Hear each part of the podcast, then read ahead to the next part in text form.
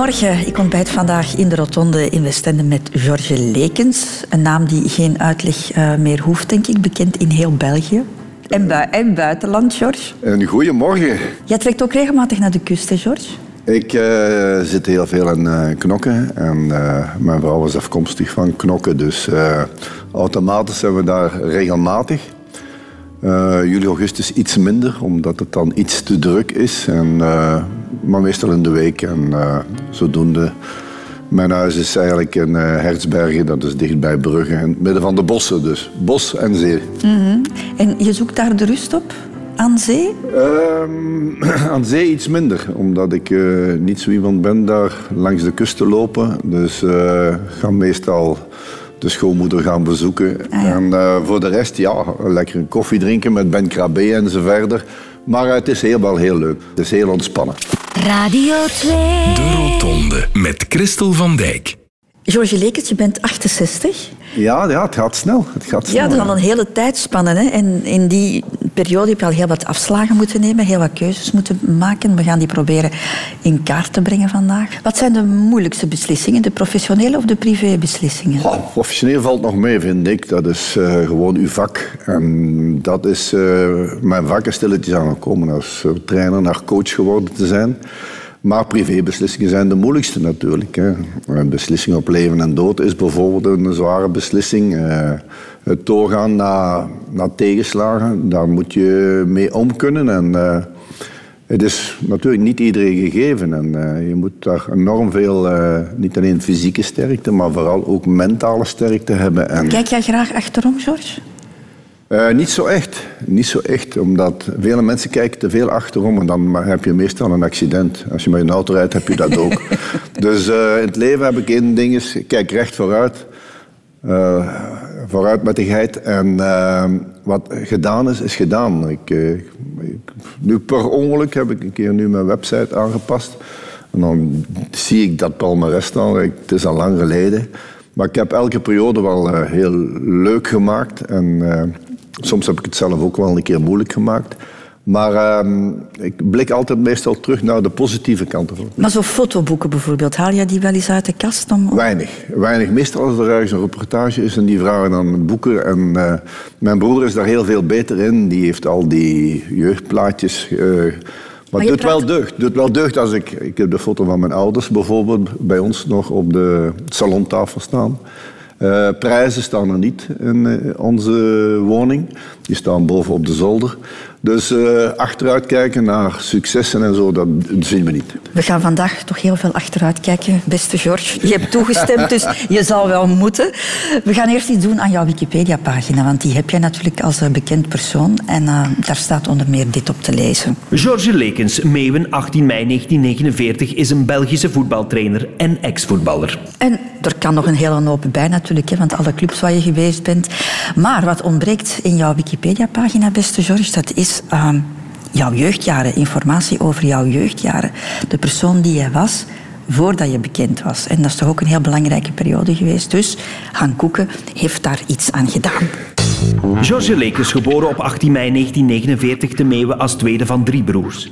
Zijn jongste broer overleed helaas op vijfjarige leeftijd en daardoor was George aangewezen op zijn oudste broer René, waarmee hij een band voor het leven smeden. Zo getuigt René. U weet, een relatie tussen twee broers is iets uniek en wij koesteren dat ook met ons tweeën. En vandaag zijn wij ook nog altijd twee handen op een buik. Onafscheidelijk waren de gebroeders en ze sliepen samen in één groot bed. De lijn in het midden van het bed was wel heilig, vertelt broer René. Iemand die de lijn overschreed, dan waren er hemelsgrote kussengevechten die we dan elke avond of elke morgen uitvochten tot ons moeder tussenkwam. En René en George vochten het niet enkel uit in bed. Al van jongs af aan kruisten ze de degens bij een spelletje voetbal. En daar vertoonde George al zijn eerste trainerskwaliteiten, weet René. Hij stelde dan voetbalploegjes samen. Hij riep de Italianen bij zich. Hij zorgde de beste voetballers toen al. En zorgde altijd dat hij won. Maar George had in die tijd ook nog interesse in andere spelletjes dan voetbal, weet René. Dat uh, hij populair was bij de meisjes. Dat kan ik niet ontkennen. En zeker voordat hij trouwde een vergelijkend onderzoek in Leuven gedaan heeft over wat zoal de markt geeft, dat moet ik wel bekennen. Ook Jo de Klerk, alias Jo met de banjo, kent George nog van in de studententijd in Leuven en kan de stelling van broer René bevestigen. We waren allemaal vierde fluiters, hè. dat is geen geheim. En, uh, ik zei, Zorg, wat, wat is een legendarische zin van Zorg, als je me licht pakt, breng ze terug. of zoals Karel Dierik, een vriend uit de studententijd, het voor ons plastisch samenvat. George was een klein varkensje, dat mag gezegd worden. en diezelfde Karel geeft ons ook nog mee dat het varkensje naast voetballen nog een ander groot talent had. George uh, kon best mee met de kant tussen, dus hij, hij was sportief op alle gebied. Toch hield George de focus met een ijzeren discipline. Hij ging voetballen voor Desselsport, Crossing Schaarbeek en kreeg tijdens zijn studies in Leuven een aanbod van Anderlecht, weet Jo de Klerk. Maar... Zijn droom was om bij Brugge te gaan voetballen. En zo geschiedde. George weigerde het aanbod van Anderlecht en een jaar later kreeg hij het aanbod van zijn droomclub Brugge. En de rest is history. Voilà. ja, het is de waarheid. Hè. Ik, kan, ik kan er niet ronddraaien. Ik, ik, kan het proberen, maar dat lukt me niet. Maar uh, het is wel de waarheid. Ik ben echt ja. student geweest. Ik heb een fantastische jeugd gekend. Ik heb uh, uh, leuke gevechtjes met mijn broer gehad. Ja, dat is een beetje toch wel...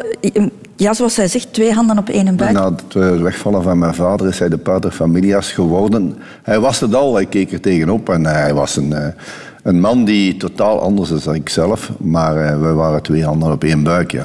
Is het belangrijk voor jou om iemand te hebben um, waarop je kan vertrouwen? Ja, In alle omstandigheden, ik, uh, ook de moeilijke? Totaal vertrouwen heb ik niet veel. Uh, op gebied van, ik geef heel snel het vertrouwen aan mensen en ik geef dat ook heel snel naar mijn spelers toe, naar, naar mijn kinderen toe. Uh, maar volledig vertrouwen natuurlijk is een man zoals mijn broer, die, waar ik naar tegenop kijk, die, die het ook in het leven gemaakt heeft en die eigenlijk de tegenpool is van mijzelf en waar ik een enorme bewondering van heb. De manier waarop dat hij uh, mij onder controle gekregen heeft, die er altijd was als er beslissingen waren of wat, die ik altijd mag opbellen.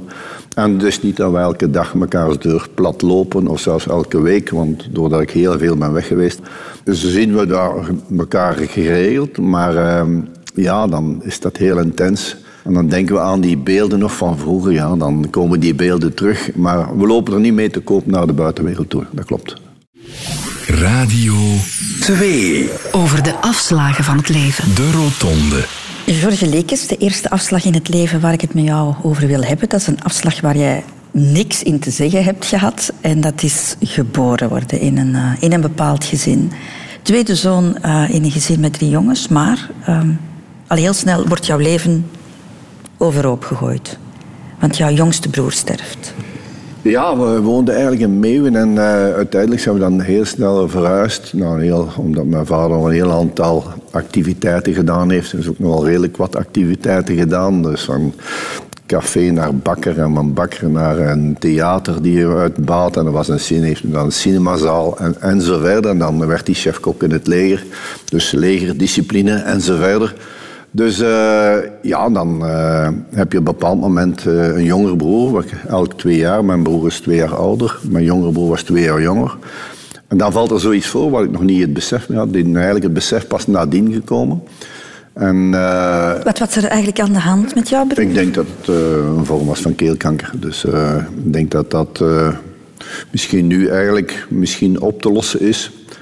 Uh, maar ja, zoveel jaren geleden was dat niet. En dat was een enorm verlies. En nadien heb ik dat pas beseft toen mijn moeder dat heeft gezegd op haar sterrenbed. Van het ergste wat een mens kan overkomen, of een moeder kan overkomen, is een kind verliezen. En, uh, ik heb het pas eigenlijk echt beginnen beseffen toen hij dan al lang weg was. En toen hebben we dan ook besloten, mijn broer en ik zelf, voor ze samen te leggen.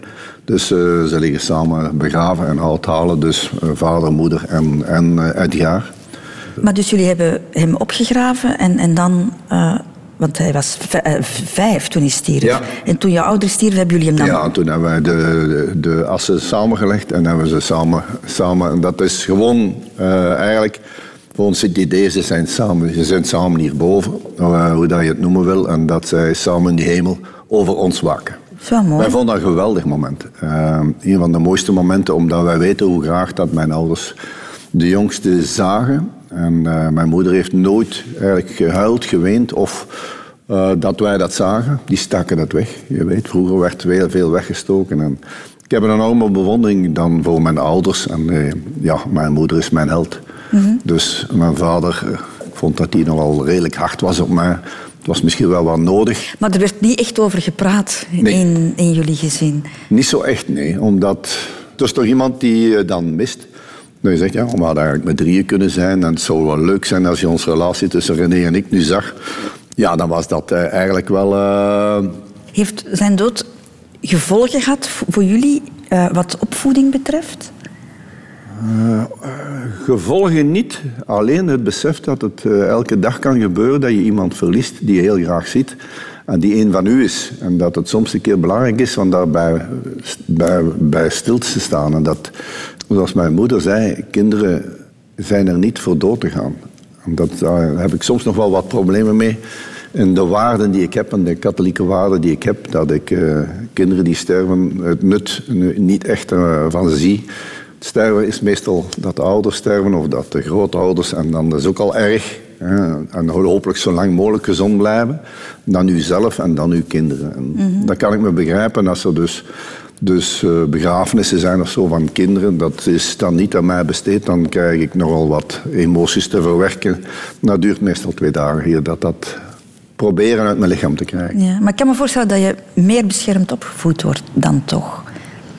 Ik ben eh, beschermd opgevoed, omdat ik nu werd een kindje en daar mocht niks aankomen aan George. En George profiteerde daar soms van. Ah ja, want jij was meteen de jongste. Ik dan was de jongste in één keer. Hè. Dus ik heb daar een beetje van geprofiteerd. Mijn broer had, kreeg altijd de schuld. Dat was dan de macht doorgeven van mijn vader als die er niet was. Want die zat ook heel veel in Duitsland. En die was dan ook gecasserneerd in Duitsland op een bepaald moment. Dus heel de week was die daar. Dus mijn broer een gedeelte overnemen. Mijn moeder die ging in een chocoladefabriek gaan werken. Van s morgens vijf uur tot s avonds zeven. En zo verder heb, eh, heb ik wat geprofiteerd van de vrijheid die ik had. En eh, wat is me niet slecht uitgekomen? Eh, Mijn broer heeft mij goed ge- gedirigeerd naar een toch wel, eh, denk ik, interessant leven. Was je verwend? Ja, eigenlijk wel, ja. ja. Ik ben eigenlijk altijd verwend geweest. Ik heb altijd dat tikje misschien geluk gehad. God heeft mij redelijk wat goede gezondheid gegeven. Ik vind dat, al, dat je dat verwend bent. En heeft mij een enorme veerkracht gegeven, een enorm doorzettingsvermogen gegeven. Ik heb dan eh, geprobeerd ook eh, in te vullen wat mijn ouders ook graag wilden. En ik wou voor mezelf ook slagen. Ik wou slagen in mijn studies, ik wou slagen in mijn leven. En ik wou eh, stabiliteit, wat ik niet altijd gezocht heb eigenlijk nadien. Maar ik heb eh, denk ik ook heel veel mooie periodes gehad, een hele mooie jeugd gehad. En zoals mijn broer gezegd had, eh, probeerde die mensen ook aan elkaar te binden. Die voetballers, en waren dat Italianen of waren dat Polen, probeerde die al toen een beetje naar elkaar te... Ik wou natuurlijk de beste ploeg, dat was nog wat anders. En eh wou winnen. En eh, niet ten koste van mensen, maar willen winnen is eh, niks mis mee, denk ik. Radio Radio 2. Over de afslagen van het leven. De Rotonde. George Lekens, je bent geboren in 49, jouw oudste broer in 47. Dat is de periode net na de oorlog. Heb je daar als kind iets van gemerkt? Eh, niet echt. Ik heb de verhalen gehoord van mijn vader en zo. En dat was dan zo een beetje van in de oorlog en zo. Hele leuke tijd. En de jeugdjaren van hun. Want hij woonde in As. Met mijn, mijn moeder woonde eigenlijk in uh, Houthalen zelf, in, in Zwartberg. En zij was een boerendochter en hij was eh, de zoon van een eh, café. En hij was nogal eh, los en was heel graag bij de mensen, mijn vader. Dus ik denk dat daar wel wat vergelijkingen zijn. Dus dat je kan zeggen, mijn, mijn moeder was een, een doodsbraaf mens en een enorm goed mens ook. Maar een gezin toch waar hard gewerkt werd. Keihard gewerkt, dag en nacht. En, geen geklaag, geen gezaag. Niet neuten, niet plooien, zouden ze zeggen in eh, Gent. En eh, het is een gezin waar het heel warm was. En die enorm veel liefde uitstraalde. En waar dat wij altijd met blijde gezichten konden lopen. Ondan- ondanks de toch wel goede discipline die mijn vader erin hield. Daar zat al wat militaire discipline in. Maar geef er eens een voorbeeld van. Ja, er waren een aantal taken die we dan moesten doen. Wij wij de auto wassen. Wij moesten, oh, wij moesten de auto wassen. We moesten meedoen met het gras afrijden. We moesten ergens kunnen helpen. Mijn vader bakte dan wat koeken, want hij was bakker geweest. Die maakte dan wat flyen en zo. Dat was op tijd zijn, dat we op tijd binnen zijn. En dan zijn er wel wat trucken die ik geprobeerd heb voor wat laattijdig binnen te komen natuurlijk. Toen ik student was, al in beginjaren student, 14, 15, 16.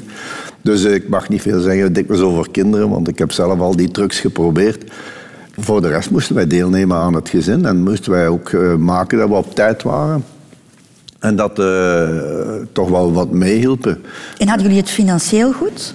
Wij, hadden, wij hebben niks tekort gehad, dus, maar wij, wij, zijn, we waren niet rijk. Ik vond dat we heel rijk waren qua levenservaring en qua warmte en qua liefde. En uh, daar, uh, daar waren we rijk in, ja. Uh, mm. Financieel denk ik dat het dat nooit niet echt belangrijk is geweest. Die hebben keihard gewerkt, ook dag en nacht.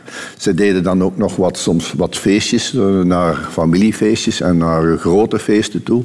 Bruiloftsfeesten en communiefeesten, waar dat ze ook nog wat gingen bijverdienen en uh, die feesten organiseren. En mm-hmm. Dus uh, dat was eigenlijk geen weekend hebben. Alleen hun kinderen waren heilig en als die voetbalden, dan, dan kwamen zij kijken. Hetgeen dat, zij, dat waren onze grootste supporters natuurlijk. De, de, mensen van die generatie, ouders van die generatie, die willen dat hun kinderen het beter hebben. Hè? Ja, altijd. Hè? En dat was bij jullie ook, hè? Wij ook, denk ik. En daar is niet veel veranderd eigenlijk. Op dat gebied, laten we zeggen dat de wereld veranderd is. Maar jullie werden wel gestimuleerd om te studeren? Uh, wij hadden de mogelijkheid, maar we moesten wel slagen natuurlijk. Hè. Er was geen, uh, geen moment dat er aan gedacht werd van een tweede jaar te doen of herdoen. Dus wij moesten slagen. Dus die druk was er automatisch. En uh, financieel denk ik dat wij het ook niet konden, dat wij nog een, een jaartje meer hadden moeten doen. Dus, uh, jullie zijn alle twee naar Leuven gegaan? Alle hè? twee naar Leuven, ja. Jouw broer heeft Pol en Sok gedaan, jij hebt uh, kinesiotherapie gegaan. Ja. Dus op kot dan? Ook een financiële aderlating, denk ik? Ja, we hebben met twee samen op, op een kot gezeten. Mijn broer had, was er al twee jaar, dus ik ben nadien gekomen daar. Misschien best dat er toch een beetje controle was. Want ik was echt een student. Ik, uh, ik vond het studentleven fantastisch. Hè. Ik, uh, ik, had dan de volledige vrijheid. Buiten dan mijn broer, die dan gelukkig toch wel de rem, de rem ophield. Maar ja, ik zat op sportkot en de sportkotters waren de mannen, die, de mannen van het leven en die keihard trainden en die, die keihard studeerden ook wel. Maar die deden ook alles. Die zaten ook op kantussen, op des dansants. En dus, ik wou er overal bij zijn, maar ik had ook vooral contacten met de jongens van economica, van rechten enzovoort. Dat moest een mixmengsel zijn. Dus een beetje like mijn vrienden die ik nu heb, uit alle contraien zo'n beetje. Dus ik wou er overal zijn en uh, het was een enorm mooie, leuke tijd. Mijn broer was iets serieuzer, die ging dan een cinemaatje doen en, uh, en die was toch wel... Uh, meer, nog meer gefocust. Ik wou student zijn, ik wou slagen en ik wou alles tegelijkertijd. Mm. Maar je kon die vrijheid aan dan toch? Ja, ik had geluk. Ik heb uh, geluk gehad dat ik uh, misschien daar in die hersenpan dat er daar nog een beetje wat uh, grijze massa zit. En daar heb ik wel wat geluk gehad dat ik nogal gemakkelijk studeerde. Heel snel studeerde, heel snel op, opnam. En dat ik niet zoveel tijd nodig had. De keuze voor het voetbal, George Lekes, was dat een keuze zoals vele jongetjes dat maken, bijna automatisch? Ja, ik speelde dan bij een ploegje van vierde, vierde provinciale, hoger ophouthalen. En die zijn dan gefunctioneerd met uh, de andere houthalen. Maar als klein jongetje? Als klein jongetje ging gewoon spelen op het pleintje. Hè, het pleintje. En dan was moeder die riep dan om 9 uur of 9 uur 30 als het bijna donker was. Of het was donker. Ja, op een bepaald moment. En dan... Uh, ik vond, uh, ik vond het leuk, ik vond het plezant van voetbal te spelen. Ik had wel niet verwacht dat ik uh, carrière ging maken, want eigenlijk... Dus daarom dat ik absoluut ook mijn diploma wou. En uh, ik vond mijn broer een betere voetballer dan ik. Hij was doelman. Maar ik amuseerde me rot, ik was een winnaar. En, want je stond dus altijd wel in de schaduw van jouw broer. Ja, ja, ja, ja. Maar die was beter dan jij? Die vond ik beter. Maar iedereen vond dat? Uh, iedereen vond die ook beter. Ja. ja, iedereen vond die ook beter. Dus ik vind er ook niks, mis mee dat iemand beter is. Dus ik uh, vind het aan, aan jou om te kijken. Er was geen concurrentie met mijn broer. In totaliteit, wie ben ik? En wat, wat kan ik en wat zijn mijn kwaliteiten? En hij was iets meer uitgebouwd. Ik was een, uh, een springhaan. Want hij kreeg aanbiedingen. Hij kreeg aanbiedingen en hij kreeg die aanbieding van Dessa Sport. En ik moest mee van mijn vader. Hè. Dus uh, over hetzelfde geld blijf ik in hout halen. Maar mijn vader zei, die moeten samen trainen. Want die moesten, wij moesten drie keer per week gaan trainen. Dus ik mee met mijn broer naar Dessa Sport. En we hebben daar een... Uh, Ja, daar, hij was de doelman en ik, eh, ik speelde ook mee. Ik stond eh, daar in die achterste linie en ik speelde ook mee. Maar maar het- de focus van mijn broer was niet echt voetbal. De focus van mijn broer was carrière maken. En ik, ziet, hij deed graag voetbal, maar hij wou het leven maken. Ik wou in dat voetbal ook wel doorgaan. Ik wou het in het leven maken wat mijn broer heeft gedaan, wat met de waarde van mijn familie en van mijn vader en mijn moeder. Moet het maken in je leven. En dat moet je zelf voor doen. Maar dat voetbal was zo leuk van mee te nemen. Had je het er moeilijk mee, eh George, dat je wat in de schaduw stond, dat je minder Oh, goed was? niet, eigenlijk niet, want ik heb heel weinig complexen. hè. Dus eh, ik, dat is- ik ben er eh, heel open in. juist. Ik ben een beetje meer op dat gebied Nederlander of zo misschien. eh, maar ik heb heel weinig complexen. Maar Of misschien heeft het jou wel extra gestimuleerd. het heeft mij aange- gestimuleerd. Het heeft mij ook gestimuleerd. Maar sowieso ben ik eh, gestimuleerd om als ik iets doe, dan wil ik winnen. Nu, de verhouding verandert tijdens jouw studententijd. De verhouding tussen jou en je broer. Want jij krijgt al in je studententijd een aanbieding. Fantastische aanbieding van Anderlecht. Ja, ik zat in eerste licentie. Normaal in die tijd weigerde niemand Anderlecht. Dus eh, dat was een schande als je Anderlecht weigerde. De grote Constant van de Stok, de papa van Roger van de Stok nu. Hoe ging dat dan? Die belde jou? Ja, het was via een manager en die belden en eh, ja... Ik zei tegen de manager, ja, dat zal moeilijk zijn. En toen ik, kreeg ik dan toch wel eh Constant van de Stok aan de lijn. Oh, oh, oh. En ik heb op een bepaald moment... Ja, ik, zeg, ik zit met een groot probleem. Ik zou me dolgraag komen, maar dan na mijn studies. Ik zeg, ik heb het in mijn hoofd gestoken dat ik absoluut wil eh, afstuderen. En ik zit nu aan de eerste licentie. En dan volgend jaar is ik mijn tweede licentie. En dan zijn er mogelijkheden. Ja, maar nu we hebben een, ook een andere mogelijkheid. Dat was Hugo Broos, bekend van nu bij Cameroen. En die eh, het goed gedaan heeft, ook in zijn carrière bij Anderlecht. En eh, heb ik durven weigeren. Nu, het was een goede beslissing misschien, want je krijgt dan daarna toch het aanbod van Club Brugge, waar jij een goede negen jaar blijft. Bijna een kleine tien jaar, ja. Daar was je wel een trouwe soldaat. Ja, maar toen was het nog niet het Bosman-arrest. hè. Toen waren we, we waren ook geen Neymar en Messi natuurlijk. Hè. Ik was eh, iemand die kwam naar Crossing Schaarbeek. Ik vond dat voor veel, veel geld. Ik vond dat toen voor 6 miljoen Belgische franken van Crossing Schaarbeek. En ehm, ja, ik heb ook het geluk gehad van onmiddellijk aanvaard geweest te zijn door de clubsupporters. Want dat is ook niet altijd zo eenvoudig. Maar je, je bent daar negen jaar lang gebleven. Waarom zo lang? Ja, in principe gingen heel weinig spelers weg. Men hield aan zijn ploeg en die bleef dan zo lang mogelijk. Maar je kreeg wel de kans om naar Keulen te gaan. Ja, ik heb wel een keer kunnen gaan, maar ja, ik zelf op die moment eh, zat ik nog niet in de flow, ondanks dat ik nogal eh, los ben, in de flow voor daaraan toe te geven. En eh, Roger van Gol is dan wel naar Keulen gegaan, die heeft dan van de succesperiode van ons geprofiteerd. Nooit geen spijt gehad dat je dat aanbod van Keulen geweigerd hebt? Eigenlijk niet, nee. Want nadien heb ik mijn schade heel goed ingehaald. En heb ik eh, alle wegen Ja. bewandeld die, die iemand kan bewandelen, die durven bewandelen ook. Maar op die moment was het ook met die praktijk en eh, vond ik het niet zo aangewezen. Het is pas jaren later dat een mens ook misschien helemaal volwassen wordt. En eh, ja, ik had toch bepaalde avontuurlijke neigingen en dat heb ik dan, denk ik ook in mijn trainerscarrière, eh, toch wel, wel een beetje gecompenseerd. De Rotonde.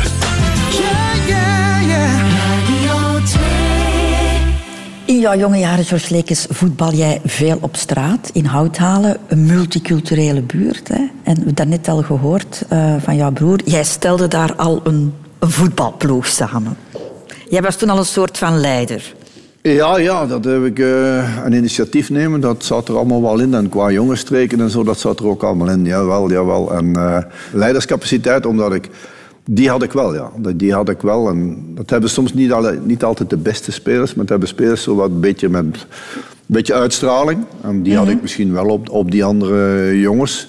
Maar dat was wel voor te willen winnen. En Ja. eh, wist ik wel eh, te kiezen wie zijn de winnaars. En als je een paar winnaars hebt en als je zo wat een goed evenwicht vindt in dat ploegje, dan win je altijd. Wanneer heb jij in je hoofd de klik gemaakt en gezegd van, ik kan dat wel, ik, ik, ik wil trainer worden? Dat was toen ik speelde. Toen ik speelde had ik da- gedacht, ja kijk, ik ga nu een paar jaartjes spelen in Brugge.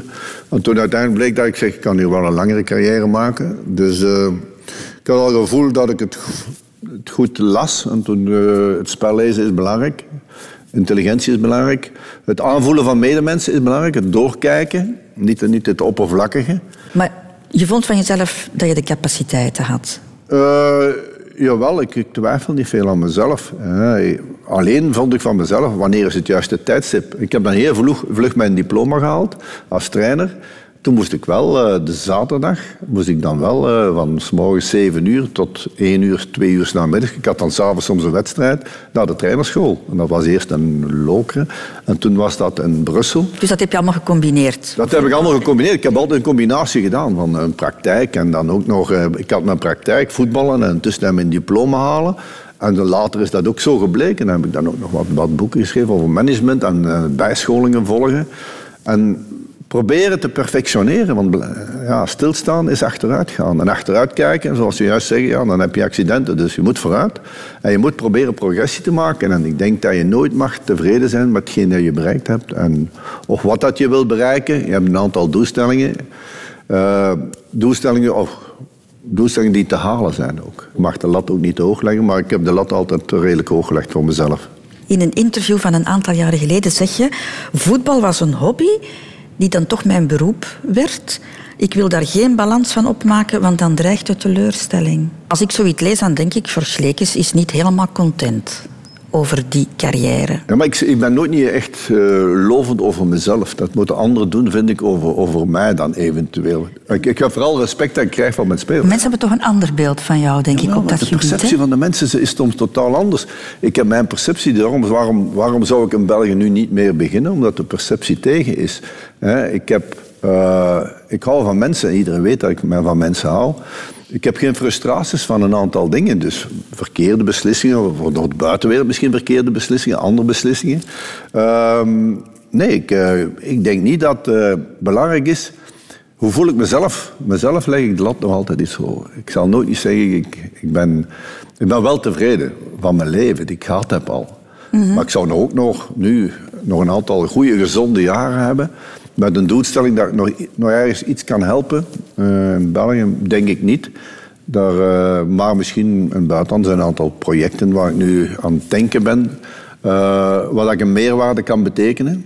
Maar ik moet, ik vind ik, een meerwaarde betekenen. Ja. Je hebt de perceptie een beetje tegen, denk ik, uh, George Lekes. Je staat bekend ja. als, als ja, de trainer die nooit, nooit lang blijft. 90 procent, hè. en dan vertrek je. Ja, ja. ja, ja. Ik vertrek als ik onrustig word, zo zeg jij. Mensen zeggen hij vertrekt voor het geld. Ja, ik uh, vertrek als ik niet gerespecteerd word. En dat heb ik nooit verteld, maar dat zeg ik nu hier. Dat is ook de eerste keer dat ik dat vertel, denk ik. Uh, als ik gevolgd word, dan, uh, dan lukt dat altijd. Maar ik heb altijd respect gezocht. Ik heb dat ook gekregen. En vooral het respect met de mensen met wie dat je werkt. Zijn uw collega's, maar vooral uw spelers die eigenlijk als kinderen moeten doen opgroeien naar succes. En als die dan succes hebben, dan ben ik zo blij als een klein kind dat zij slagen. Als die, mm -hmm. bijvoorbeeld die nationale ploeg het nu goed doet, dan is het niet mijn verdienste, maar dan heb je daar kleine steentjes toe bijgedragen. En ik trek niet de, de, ik zet niet de bloemen op mijn hoed, maar uh, dan ben ik enorm blij, zelfs vier inwendig tevreden. Zoals ik eigenlijk nooit bijna tevreden ben, omdat ik vind uh, je mag eventjes vieren. Als je succes hebt, mag je dat eventjes vieren. Maar morgen begint weer een nieuwe dag voor het volgende, de volgende successen op te bouwen. En als ik zie dat er gelatenheid wordt... En als ik zie dat het uh, niet dezelfde doelstellingen zijn... Ja, dan uh, ben ik -hmm. soms vroegtijdig weggegaan. Voor het geld, dan had ik moeten gaan naar Qatar en Rusland. Maar, George, waar ik het eigenlijk over wil hebben het beeld dat mensen van jou hebben. Hè. Jij staat nu wat bekend als een trainer die, die opstapt, die geldbelust is en die zijn woord niet houdt. Wat doet, ja. wat doet dat met een mens? Ja, maar dat, dat laatste zorg die het woord niet houdt, dus uh, vooral naar uh, Vlaamse media toe. Uh, heb ik soms af en toe de confrontatie ook gezocht en heb ik ook niet altijd de juiste communicatie gedaan. Dat is nog wat anders. Ik heb ook veel verzwegen. Dus uh, er, waren, er waren een aantal dingen die ik misschien ook anders liever, waar ik misschien beter helemaal open, onmiddellijk open over gesproken had. En als ik dan een keer uh, wilde ronddraaien, dan, dan is bijvoorbeeld verkeerd, een keer een verkeerde communicatie geweest. Dat, dat, ik denk dat niemand volmaakt is. Maar in totaliteit, de gewone man, die meestal, de supporter in totaliteit, uh, daar lig ik wel goed. Ja. En dat is mijn, mijn belangrijkste punt. Dat ik, manier van verkopen is niet meer het belangrijkste. Het belangrijkste is dat ik bij die gewone supporter, vooral naar Wallonië en vooral naar het buitenland toe, dat ik daar het respect krijg dat ik denk dat ik ook verdien. Maar u zelf willen bevestigen en zelf die perceptie willen veranderen, dat is het slechtste dat je kan doen. Maar die perceptie glijdt eigenlijk van jou af, George. Dat is niet iets waar jij wakker van ligt. Nee, nee dat, dat heb ik, eh, in het begin had ik daar wel wat moeite mee. Vooral de familie had daar moeite mee. Ik zelf, eh, moet ik zeggen, ik, ik, heb dat leren plaatsen. Maar thuis, ik denk dat de, vooral de familie daar enorm veel van afgezien heeft. Ik zag af omdat mijn familie daarvan afzag. Voor mezelf ben ik sterk genoeg. Voor mezelf ben ik zo gevormd geweest dat ik eigenlijk een, niet een panzer, want ik ben eigenlijk een heel gevoelig man eigenlijk. En dat panzer heb ik dan proberen ook zo op te stellen, zodoende dat ik nog uh, bereikbaar ben voor mijn spelers, voor manier van werken, dat ik niet frustraties opbouw. Want er zijn vele trainers die gefrustreerd zijn. Die, ik zie die agressiviteit. En ik weet dat media uh, is nooit echt mijn vijand geweest, ook niet. Ik heb het ook af en toe gebruikt, ook. Ja, zo simpel is het. En dat is geen tegenstander. Media is iets wat dat je dus ook nodig hebt voor uw product en uw product of u, u als mens zijn ook niet te verkopen, maar toch te, te tonen wie dat je bent. Ik heb er misschien niet altijd heel open over geweest. En vele dingen verzwegen, want ik ben al iemand die een, die een vuurbol is van, van ambitie. En te snel willen gaan, ook soms. Maar moet ik alles gaan uitleggen? Dat is, voor, voor, allee, dat is verloren tijd, vind ik. En alle clubs hebben mij teruggevraagd waar ik geweest ben. Dus is het eigenlijk toch wel, als je zo slecht bent... Maar de perceptie, ja, de perceptie kan je niet omdraaien. Als er een tsunami komt, je moet het eerst laten overwaaien. En dan kan je een keer kijken, wat, wat is de schade eventueel die er is. Ja. George Lekes, ik heb nu veel vragen gesteld, maar ik heb eigenlijk nog geen echt antwoord gekregen. Maar goed. Maar dat is, dat, dat zijn we gewoon, dat zijn we van, jou, denk ik. Je hebt ooit eens gezegd, uh, ik antwoord nooit op een vraag. Ik zeg mijn eigen ding en dat heb je nu toch wel weer bewezen, hè?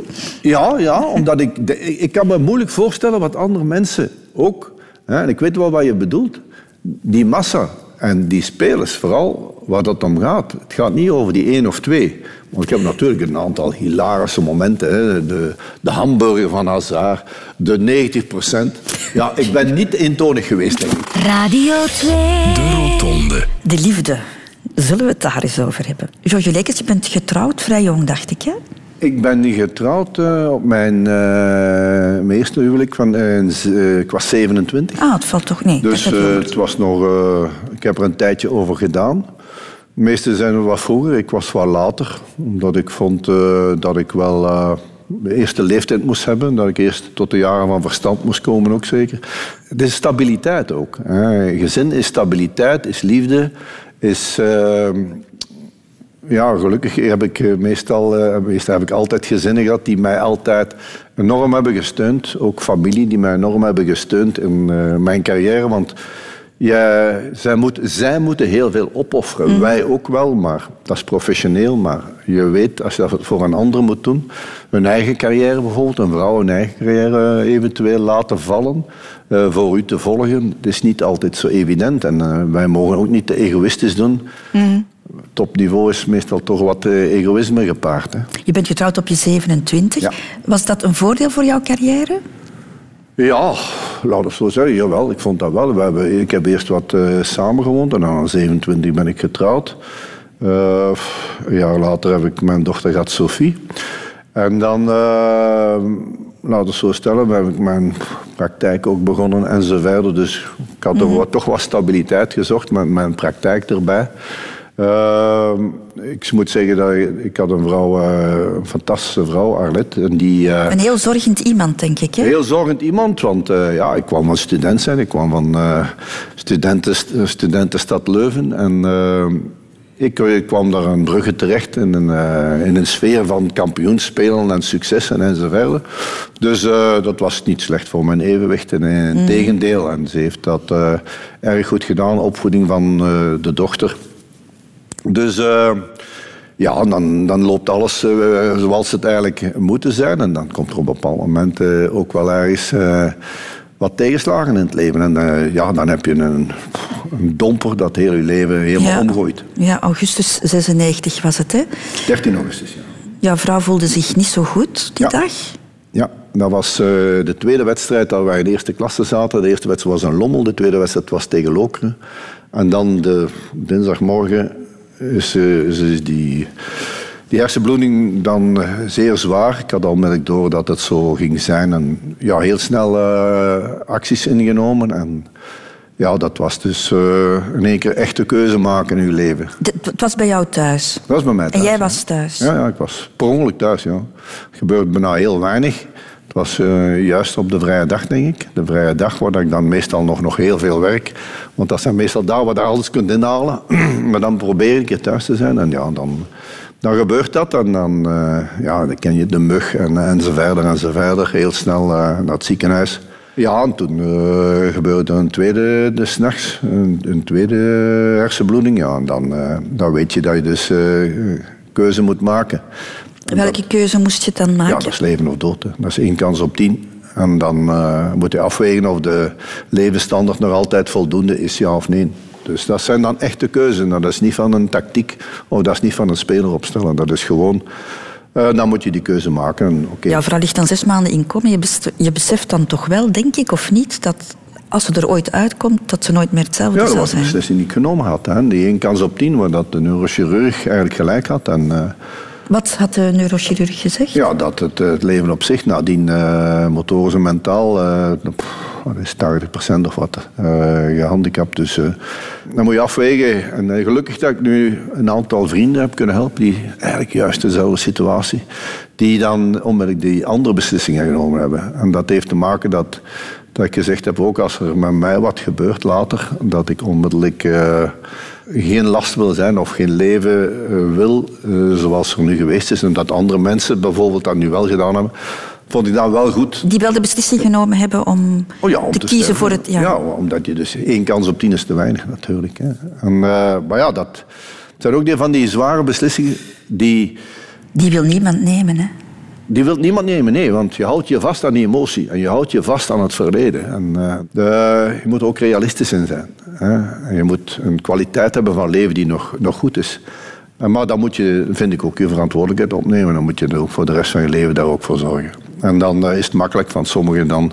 Oké, ik ben dan terug, heb ik Kathleen leren kennen en zo verder. Maar dan moet je ook blijven zorgen en dan eh, wordt dat ook gedaan tot... eh, tot totdat ze sterft. En dat is nu twintig jaar geleden. Dus eh 13 augustus gaat mij bijblijven. We hadden juist gewonnen tegen Lokeren. We stonden eerst in klassement, in eerste klasse.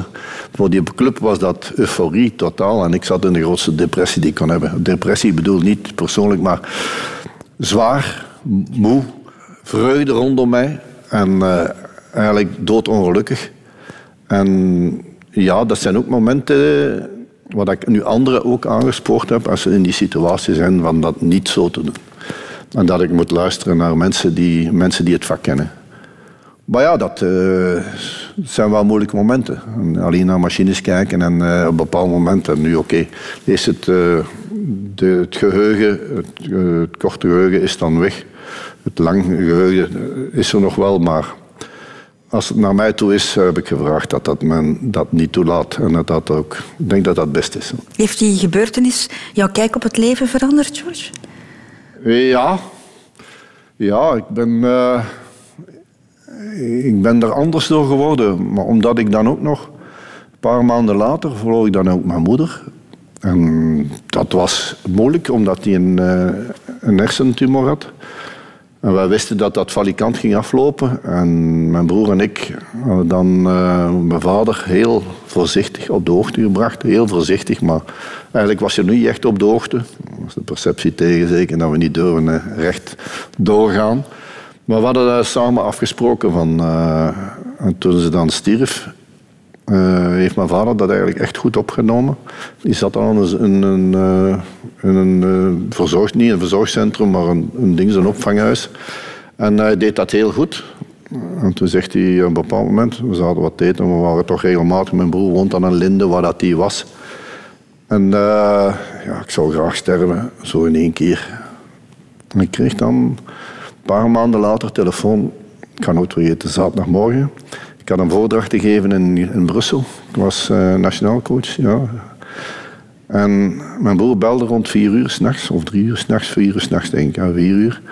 Ik weet mijn broer, ik zeg, papa is dood. En hij zegt, hij is gestorven, ik dat wel wou. We waren eigenlijk gelukkig. Dat is leven. Hè? Dat is het leven ook met de andere kant. Uh, die uh, u dan toch wel... Toen heb ik het wel wat moeilijk gehad, moet ik zeggen. Dat waren er niet drie op een rij, maar dat waar het, waar het dak boven je hoofd helemaal weg was. Daar heb ik toch wel wat tijd over gedaan, mentaal. Dat heeft niemand niet gemerkt. Tijdens het WK ook, in Frankrijk, in 1998. Niemand heeft dat gemerkt. Ik heb me op mijn werk gestort. En uh, uiteindelijk, oké, heb ik alles een beetje moeten plaatsen. Heb ik ook een nieuw leven moeten kunnen beginnen. Maar daar heb ik ook weinig kans gegeven. Altijd, altijd in dat werk en je wegstoppen in je werk. En, heb je uh, genoeg tijd gegeven om, om, om, om verdriet te hebben? En nee, nee, maar ik heb leren, leren wenen en ik heb leren emoties te tonen. Ik had dat vroeger niet. Nee, ik had dat te weinig, vond ik. En uh, nu, als ik naar een begrafenis ga, ik ben twee dagen ziek. Dus, uh, maar dan, als dat mensen zijn, zoals uw ouders, die alles betekend hebben voor u, die uw, helden zijn, en vooral mijn moeder. En dan, ik heb nadien pas eigenlijk mijn echte appreciatie naar mijn vader getoond. Ik krijg altijd slecht, het is nooit niet goed, en die match is nooit niet goed. En hij had altijd kritiek zo recht op mij. Dat was eigenlijk voor je beter te maken. Dus heb ik ook beseft dat, dat hij dat goed meende. En dat hij alles gedaan had voor zijn gezin, ook gaan werken naar Duitsland en de chef-kok en, uh, en zo verder en zo verder. Die feesten doen en het rondkomen, het financieel rondkomen, warmte geven, hugs geven, uh, genegenheid. En emotie mag er zijn. En emotie moet er zijn ook. En dat heb ik dan uh, geleerd van het ook. Waarom kan het niet dat je wint op een begrafenis? Waarom kan het niet dat je emoties toont? En dat, ik wou altijd de sterke, stoere beer uithangen. Dat heb ik hier ook gedaan voor jou, uh, uh, een tijdje wel terug hier al. Maar uh, waarom het mag zijn, je mag warm zijn, je mag emotioneel zijn. Alleen in je vak ja, moet, je, moet je natuurlijk beslissingen, maar dat zijn dan kleine beslissingen. Als je dan die beslissingen al genomen hebt van je vrouw, van, van je vader, van, van je moeder eerst want dat kon je ook nog wel eventjes laten aanslepen, maar uh, dat was dus, uh, die is dan eigenlijk gestikt eigenlijk. En, uh, en, en naar zuurstof, oh, het gebrek aan zuurstof. En zodoende leer je wel wat dingen plaatsen in het leven. Wat, wat is belangrijk, wat is minder belangrijk? Is die perceptie dan belangrijk? Nee. Ik ben stilletjes dan meer en meer aan het tonen aan 68 wie dat ik ben.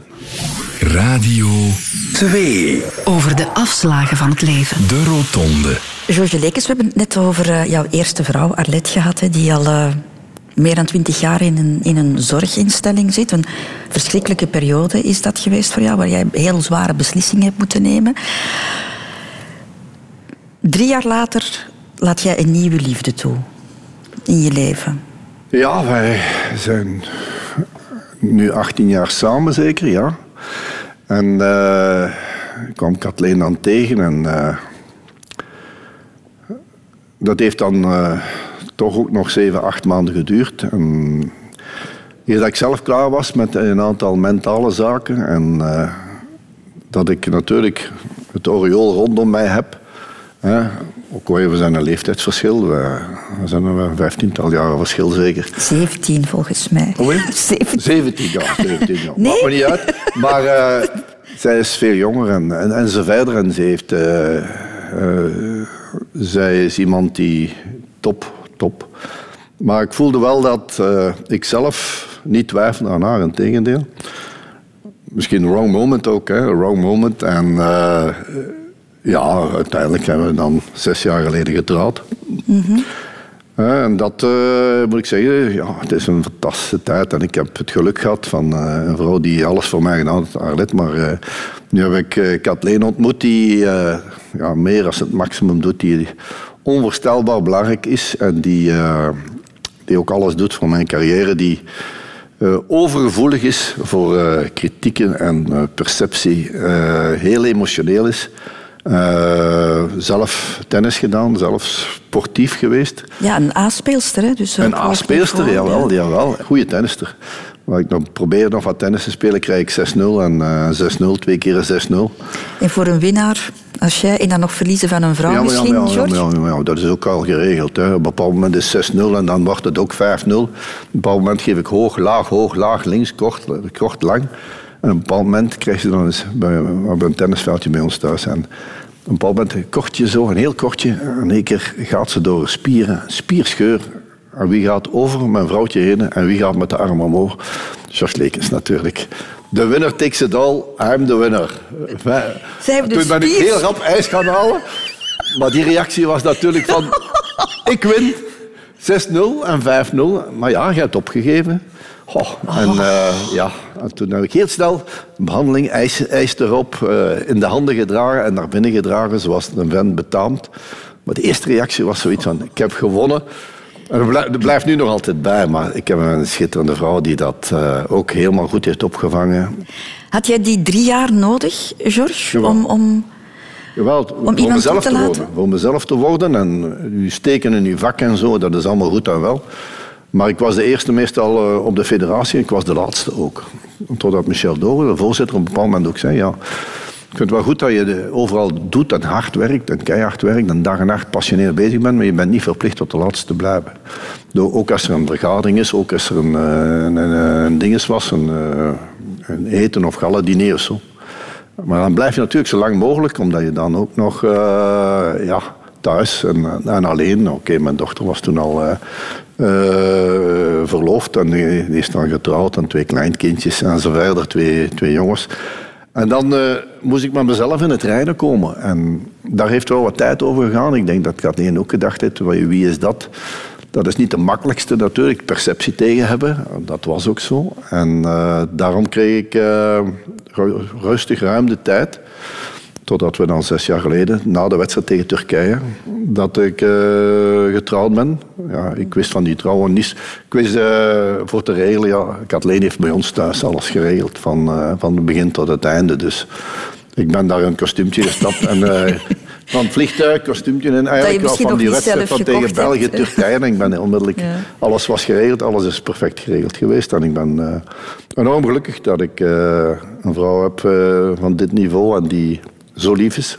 En die alles voor mij over heeft, ja. Heb je daar kritiek op gekregen ooit, George? Jawel, logisch. Je weet hoe dat mensen zijn, hè.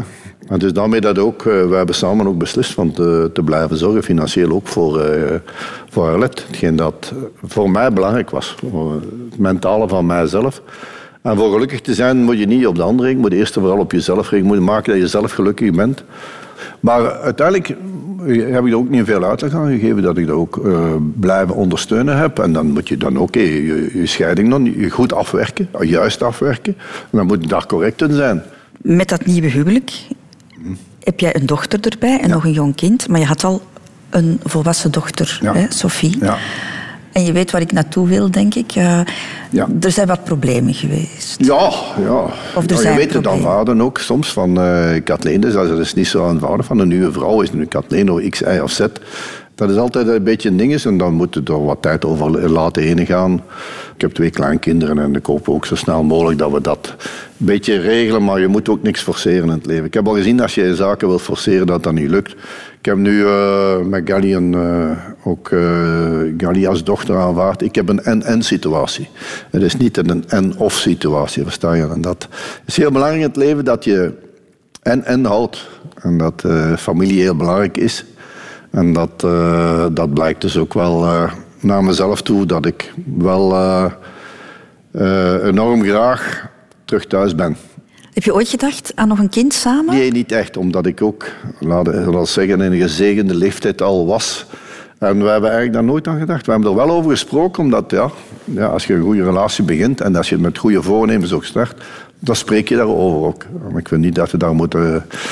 Nee, ik had eh, mijn dochter, eh, we hadden de dochter van eh, Gali dan van eh, Kathleen. Dus eh, dat was geen punt. Nee, het is nu al een en-en situatie en dan nog eentje erbij, dat zou... het zou niet te veel zijn, maar eh, het was niet nodig voor ons liefde nog te laten blijken dat we nog een kind daarvoor moesten hebben.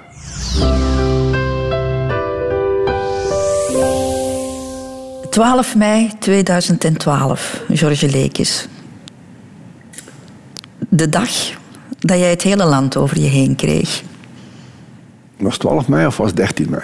Ik denk dat het... Was het 13 mei? Ik denk dat het weer de dertiende was. Ik heb iets met de dertiende, ja. Ja? Raar, maar waar. Ik neem geen grote beslissingen meer op de dertiende. Omdat dat mijn leven al beïnvloed heeft. Je weet de zaak van mijn eerste vrouw. Dat is ook op de nu 13e, dan ja. het tekenen bij Club Brugge. Het brengt zo 13, ja. misschien eh, een gedeelte ongeluk. Sommigen vinden dat een geluksgetal. Ik eh, ben er niet zo echt voor. Ja, dat was een eh, hele Dat was rare het- dag. Maar voor mensen die niet zo in het voetbal thuis zijn, George, dus dat was de dag dat je je contract bij Club Brugge tekent en daarmee dan de beslissing neemt om op te stappen Ja. bij de nationale ploeg. Ja, klopt. En In volle van WK. 2010 was ik trainer geworden nationale ploeg van Kortrijk. Die dan een goede som, want iedereen zegt altijd de andere kant. Ik zeg dan, die hebben een goede som gekregen voor dat Lekers te laten weggaan naar de nationale ploeg. Ze waren er vier op dat ik naar de nationale ploeg ging. Ik heb dan Simon en Ben- eh, Christian Benteke ook nog bij die nationale ploeg genomen en, en zo verder. Dus ik had een fantastische groep aan het krijgen. Aan krijgen en in 2012 13 mei, een paar dagen voordien, eh mijn manager zegt ja, er is een bod binnen. Maar ik had al een aantal aanbiedingen gehad van Qatar en Rusland. Ik zeg, dat kan ik niet maken. Ik, ben hier, ik kan hier doen wat ik wil. Allee, wat ik wil. Ik heb mijn ding, dat is, dat is nu echt mijn ding. En ik zie die spelers graag, ik zie die- dat elftal graag, ik zie België graag. En we hadden toen nog geen regering. Hè. En, nou, voor president stond er in, in, in de toeschouwers. We hadden van 7000 mensen hadden wij 50.000, 60.000 mensen gemaakt. En dat was een, eh, iets gecreëerd al. De spelersgroep, die spelers kwamen graag. Het kader dat we gemaakt hadden rondom, want eh, dat, war, dat was nog wel eh, wat werk aan. En moet ik zeggen, we hebben nu een physical coach, we hadden nu een lieve Maarschal als medisch gebied. We hadden nu een teammanager, een nieuwe perschef, eh, een nieuwe scoutingcel. We hadden Dus dus eigenlijk alles zat goed. ja, En 90% was de norm. en ik had dan een geweldige verklaring. Dus eh, omdat ik, ja, uiteindelijk eh, waren we een paar dagen mee bezig. En pff, ik zeg, kan het niet maken. Echt waar. Dat is, Dat is Bart Verhagen. ja, dat is Bart eh, Verhagen, de voorzitter van club, die mij overhaalde van naar club te komen. En ik... dus het was niet voor het financieel, want dat zegt men dan ook. Hè. Dan had ik naar Rusland en Qatar moeten gaan, want dat, het was hetzelfde contract als op de bond. En ja, de zaterdag was ik nog bij hem gekomen na de begrafenis van de zoon van Ivan de Witte, de voorzitter van A-agent. Heel erg verhaal voor eh, Ivan. En eh waar ik zelf ook helemaal onderuit ben gegaan. En s'avonds ben ik nog heel vlug naar Bart gereden en ik zei, ja, hij zegt, we laten eens morgen vroeg samen eten, want het is een wedstrijd. Ze thuis tegen Kortrijk of Antwerpen. eh, Kortrijk geloof ik, ja. En eh, wij komen dan morgen vroeg afhandelen. Ik zeg, ja, maar ik, ik voel het niet. En s'nachts, ik zit met mijn vrouw, ik zeg, nee, ze mocht het niet doen. Want toen heeft ze gezegd, Zoeteke, Zoeteke, wrong time, wrong, time, wrong, moment. Ja, dat is waar. En eh, s s'morgens komt mijn manager binnen, ten negende, want ten tiende hadden we afgesproken, ten negende. En hij zei, we gaan het niet doen. Ik ga het niet doen. Zo simpel is het. Even later komt Vincent Manhart, die komt binnen, de general manager. En ik zeg, eh, sorry, maar ik heb nagedacht. Ik ga het niet doen, want eh, ik weet wat de consequenties zijn. Heel België gaat over me heen vallen. En eh, wat al wat ik eh, dacht is nadien uitgekomen. En eh zeg, we gaan de perceptie tegenkrijgen. We gaan alles tegenkrijgen. Dat, zeg, iedereen gaat wel weten dat dat een goede groep is, dat dat goed geomkadreerd is. Oké, daar gaan wel eh, Brazilië gaan ze halen, want ik had de Way to Brazil gezet met een hele mooie PowerPoint-presentatie. Naar mijn staf toe, naar mijn spelers toe. Dat is perfect. Perfect gedaan met beelden over de, week, de wereldbeker en zo van vroeger. En top, hè? Maar dus- in één keer zou ik die beslissing nemen naar Brugge te gaan. Dus, dus nachts al, en de dagen voordien ook, onderhandeld. Maar het was eigenlijk tegen mijn hart in. En, en Bart heeft me dan overtuigd, is mee naar buiten gewandeld. En hij gezegd, kijk Jos, wij hebben u nodig. En op het hoofd van, eh, van mijn dochter, van mijn moeder zelf. eh, eh, ik zeg, Bart, je hebt mij nodig. Ik heb zoveel jaren bij club gespeeld. Ik heb daar met trainer nu geweest. Succesvol, succesvol en zo verder. Ja, het is daarom dat wij u nodig hebben. En eh, je moet bij ons komen. Je hebt er alles al gedaan. Die nationale ploeg staat op de rails. Je hebt er alles aan gedaan. En wij hebben u nodig. Jij laat ons in de steek. En, eh, en ik, de emotionaliteit die ik had, in plaats van heel realistisch te blijven, wat ik al dagen in mijn maag zat, mijn, in mijn hart zat en in mijn hoofd zat, van het niet te doen, heb ik dat toch gedaan. Was En, het ook eh, omdat club eigenlijk de, de, de de club van jouw hart was? omdat je daar ook ik heb zo... daar mijn carrière... Ja. Ja, ben ik twee jaar geweest, maar dat is de club waar ik successen en eh, Champions League finale en Europa beker finale en UEFA beker finale en vijf keer kampioen gespeeld. Ja, ik kan niet zeggen dat dat niet mijn leven is geweest. Hè. En daarom ook, en ik was dan ook nog als trainer eh, succesrijk geweest. Ik was kampioen gespeeld, heb beker gewonnen. Hij zegt, ja, we hebben een type nodig, like jij, die dan terug wat lijn kan brengen in ons, nu, in ons nieuwe structuren en zo. Maar na twee maanden kwam ik al tot het besef dat dat... eh, en dan had ik natuurlijk geweldig, ik deed dan nog een persconferentie. En in plaats van dat dan anders te zeggen, zeg ik 90% van mijn werk is af. Waar ik nadien nog zeg, wel, want ik kan het nog wel, je kan het wel terug opzoeken op, op YouTube en zo. Dan zeg ik, ja, ik bedoel, voor de ja, dat werd natuurlijk weggelaten. 90% van mijn werk is af. Eh, dat afscheid van de Rode Duivels, dat heb ik dan wel een keer rechtgezet. Een keer eh, op de gouden schoen een keer.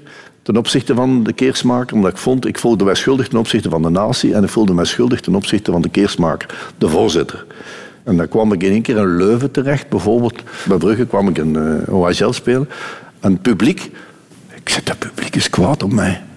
Ik vond het geweldig, erg. Dat mijn stad, allee, mijn ex-stad, was mijn studentstad Leuven, dat jeugdpubliek, dat die...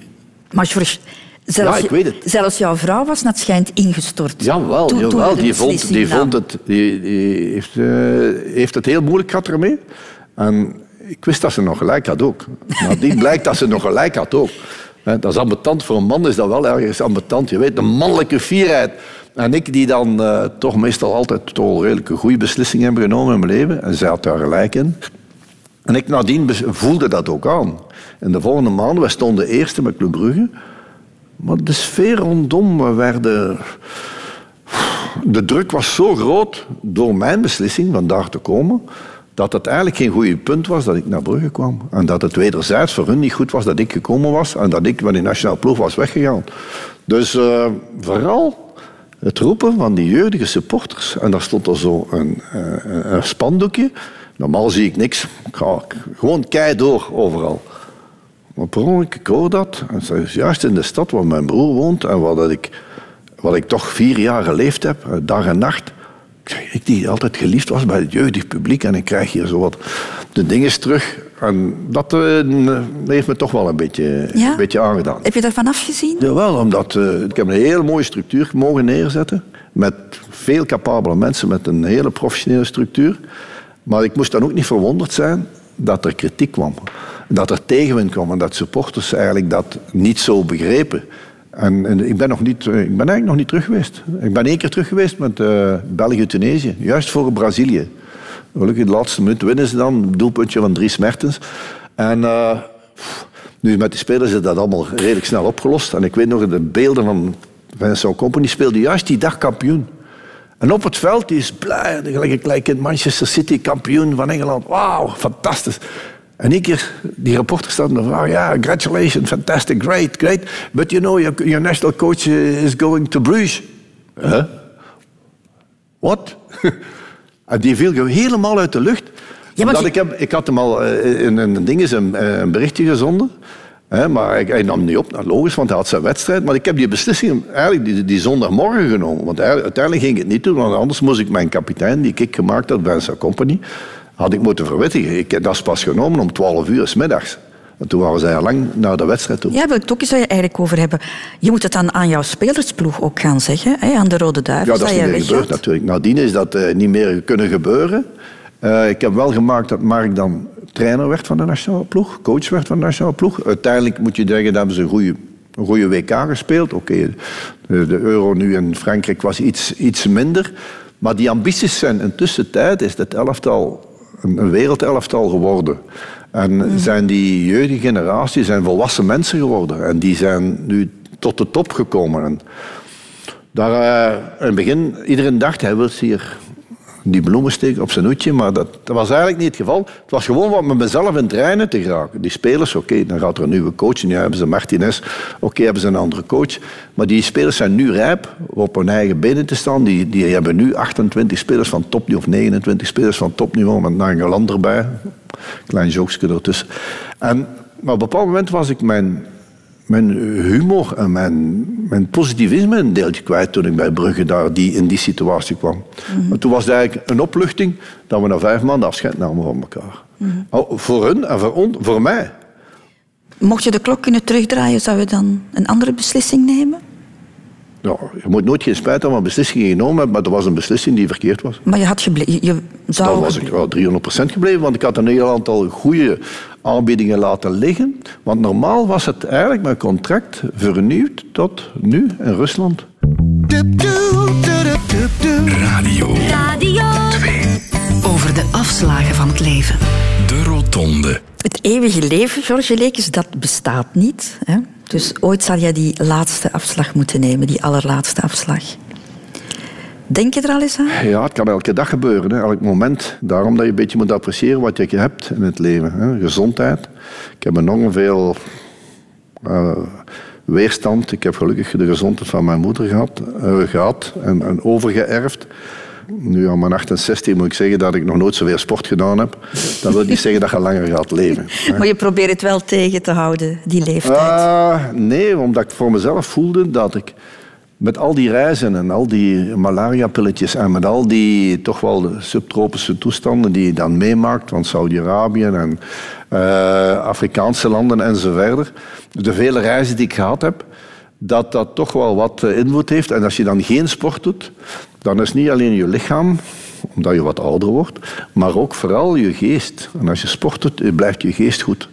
Je gaat naar een fitness en naar een perso- personal coach die dan wat, wat oefeningen rond stabilisatie of wat lopen, wat, eh, wat eh, specifieke oefeningen. Zodoende dat ik niet overdrijf. Ik ga geen triathlon niet meer doen. Ik moet mezelf niet meer manifesteren. Ik heb al genoeg gemanifesteerd, denk ik. Maar hoop ik dat ik, eh, als het toch zover komt, dat ik sterf zoals mijn vader. Van één moment op de ander. Ja, zonder afscheid te nemen van mensen? Ja, afscheid nemen is niet voor mij zo. Dat is, Nee? is moeilijk. Ik kan, eh, ik, meestal als ik vertrok, zelfs als ik naar het buitenland vertrok, ik keek niet meer achter mij. En dat liet ik dan over. Kathleen die kon, eh, die, die liet dan de, de volle tranen. Ehm, ik had dit ook wel zo, maar ik, ik keek dan recht voor mij, ik ging recht over de zee. en dan recht vooruit. Maar ja, daar komt een dag van afscheid. Hè. Maar hopelijk takelen we niet af. Hoop, hopelijk positief denken. is- positivisme denk ik dat ik altijd een beetje iemand geweest ben die daar eh, een voorstander voor was. Eh, positief denken. Eh, mijn vrouw zei dikwijls, hoe is dat mogelijk? Eh, er staat er één parking vrij. Dat is maar één parking, alles is volzet. Dan komt altijd eentje vrij. Ja, dat is dat geluk. Je moet erin geloven. En als je iets gelooft, dan, dan kan het ook gebeuren. Ik speel natuurlijk al redelijk wat op de lotto, maar dat is nog niet gebeurd. maar ik heb de grote lotto, ik heb de Euromillions met gezondheid, met de liefde en met, eh, met de mensen. En ik ben eigenlijk, denk ik, nog veel menselijker als de meesten. De meesten die mij kennen, die weten wel hoe dat ik ben. In het begin wou ik dat forceren. Ik wou voor iedereen goed doen. Ik wou, eh, kost wat kost, ook goed liggen. Dat moet niet altijd. Is dat zo? Jawel, jawel. Dat Ja? had ik in het begin... En dat zou men niet zeggen, en er kwam soms iets geforceerd over. Zult dat ook al nu in het interview ook wel al gehoord hebben. Dus een beetje tweespalt tussen- in, in mijzelf. Tussen, nou, ik, eh, ik ben een beetje conservatief van stabiliteit, maar ook labiel, avontuurlijk. Durven, lef hebben, initiatief nemen. eh, ja, Je hebt een vrouw die 17 jaar jonger is dan jij. Dat is nu alleszins nog geen probleem als ik jou hier stralend zie zitten. George, maar dat kan het misschien wel worden. Ooit. Daar hebben wij het eh, enorm over gehad. Iedereen. Het kan ook zijn dat iemand die jonger is, dat die wat tegenkomt. Dat heb ik dus al gemerkt. En dan eh, moet je er ook zijn voor, voor te verzorgen. En dan moet je dat ook initiatief en verantwoordelijkheid voor nemen. Maar maak jij je er soms zorgen over dat jouw vrouw zou moeten zorgen voor een hulpbehoevende man?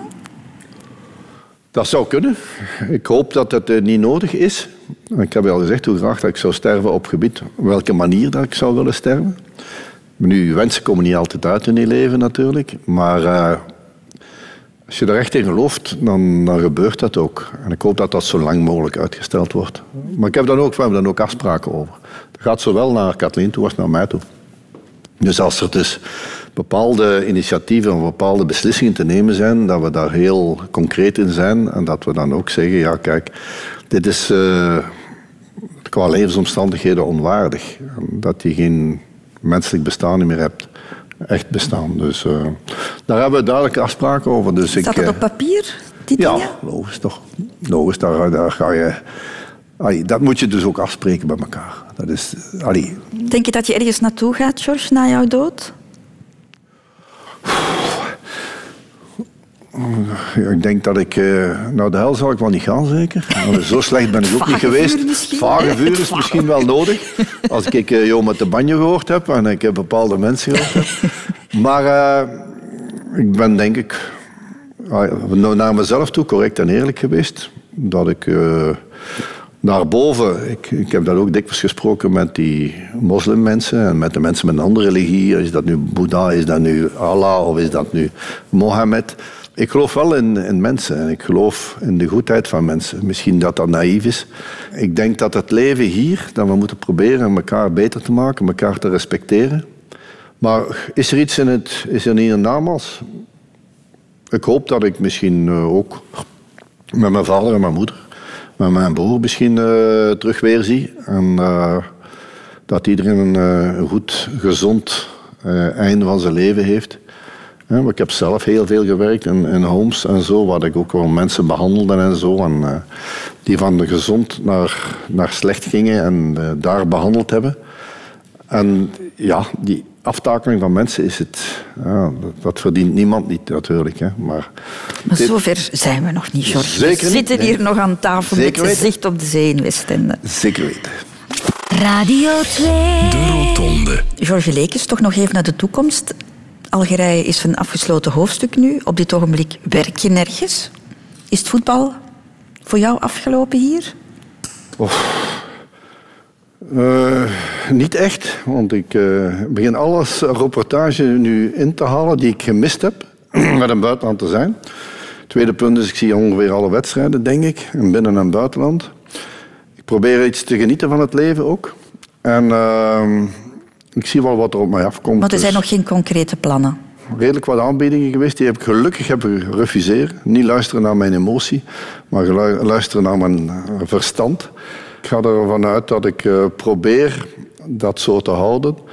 Maar je weet nooit uh, oktober wat dat, dat geeft. Want dat... Maar uh, het zal het Belgeland waar ik echt verliefd op ben. Ik vind het geweldig, ons land. Uh, het is heel mooi om wonen. Je beseft het pas als je veel in het buitenland bent geweest. Mm -hmm. En dat uh, ja, het wel een keer kan dat ik een bepaald project zou kunnen meestappen waar ik mij aan terugvind. En Hier ik, in uh, België? Ja, ja zeker ja. weten. Okay. George, ik vond het uh, fijn ontbijten met jou. Je hebt heel veel over voetbal gepraat. Ik weet dat je niet zo graag over jouw persoonlijke leven praat, maar dat heb je toch gedaan. En uh, daar ben ik je dankbaar voor. Dank je wel. Uh, ik heb de mens George Lekes wat beter leren kennen. Ik denk het ook. Het was een fantastische reportage. Dus dan, ik heb nu leuk in de boek geschreven. Je hebt het gastenboek ingevuld. Ik heb het gastenboek en ik heb hier uh, uit de grond van mijn hart geschreven. Liefste Christel. Wat een leuke, fantastische avond met een uh, grote chef-kok, Veerle. Een reportage waar me echt mezelf heb laten zijn en je doorgedrongen bent in de echte George. Die vele mensen niet kennen. Het was een eer jullie gast te mogen zijn. Veel succes en veel gezondheid en plezier, George, George Lekens. Nota bene, dit was niet 90% in orde, dit was 100% in orde. en nogmaals bedankt.